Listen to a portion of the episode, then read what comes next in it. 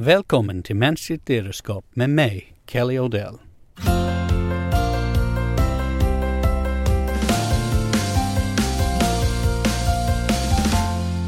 Under den här serien med inspelningar kommer vi ta upp lite olika ämnen som kan beröra ledarskap, motivation, medarbetarskap och lite allt möjligt som har att göra med att lyckas i dagens komplexa organisationer. Vi kan ha intervjuer med intressanta personer som har olika perspektiv på verksamheten. Eh, vi kan ha olika inlägg som jag kommer med själv.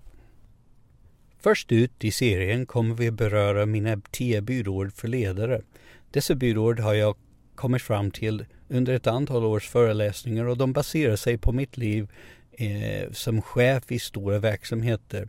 Vi kommer beröra varje budord i ett avsnitt jag hoppas att ni får stor glädje av dessa budord och här kommer första avsnittet. Nu går vi in på budord nummer ett som heter Var ödmjuk. Som chef är du också medarbetare. Nu kan man tycka kanske att vara ödmjuk, det, det skulle alla människor kanske må bra av ibland. Men, men ibland när man är chef så är det inte så lätt som man skulle kunna tro. I, I det bästa av alla väder så kanske man blev chef för någonting för att man var bra på någonting innan. Man kanske var en duktig säljare och blev försäljningschef eller en duktig ingenjör och blev utvecklingschef. Eh, och kanske man var bra på det så blev man befordrad igen och man blev befordrad igen. Och, och efter ett antal år så börjar man nästan tro att jag är duktig. Det går bra för mig. Jag, så det finns den sidan, men det finns en annan sida. Jag själv har varit chef för både små grupper och stora grupper. Mitt första chefsjobb så hade jag två medarbetare. Ett av dem sa upp sig. Man kan tycka om, man, om det är någon syfte att vara chef för en person, men så var det. Jag har också varit chef för flera tusen och allt däremellan. Och någonting som jag upptäckte, ju högre chef jag har blivit, ju mer makt och inflytande jag har haft i en organisation, desto mer förträfflig jag blir. Och, och det har jag många gånger funderat på. Men när jag var avdelningschef för bara några få personer och jag kanske lanserade en idé och folk säger ja, ja det var intressant. Och jag har, jag har fått lära mig hårda vägen som invandrare i Sverige att eh, när svenskar säger att någonting är intressant, det betyder inte nödvändigtvis att det är intressant. Eh, så, så man lanserar sin idé och folk säger ja, ja, det var intressant. Och sen helt plötsligt så är man eh, högchef, kanske chef för Telia Mobile som jag var en gång i tiden. Och, och så samma idé lägger jag fram och då är det folk som gör vågen och tycker att det var fantastiskt.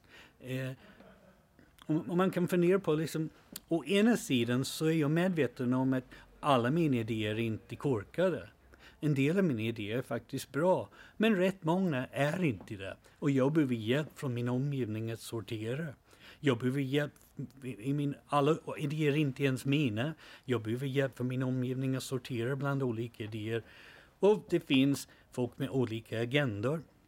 Nu, i boken så skiljer jag mellan folk som fjäskar för dig eh, och folk som är proffsfjäskare. Och det kan låta lite krystat att ha, hitta på en egen ord som proffsfjäskare.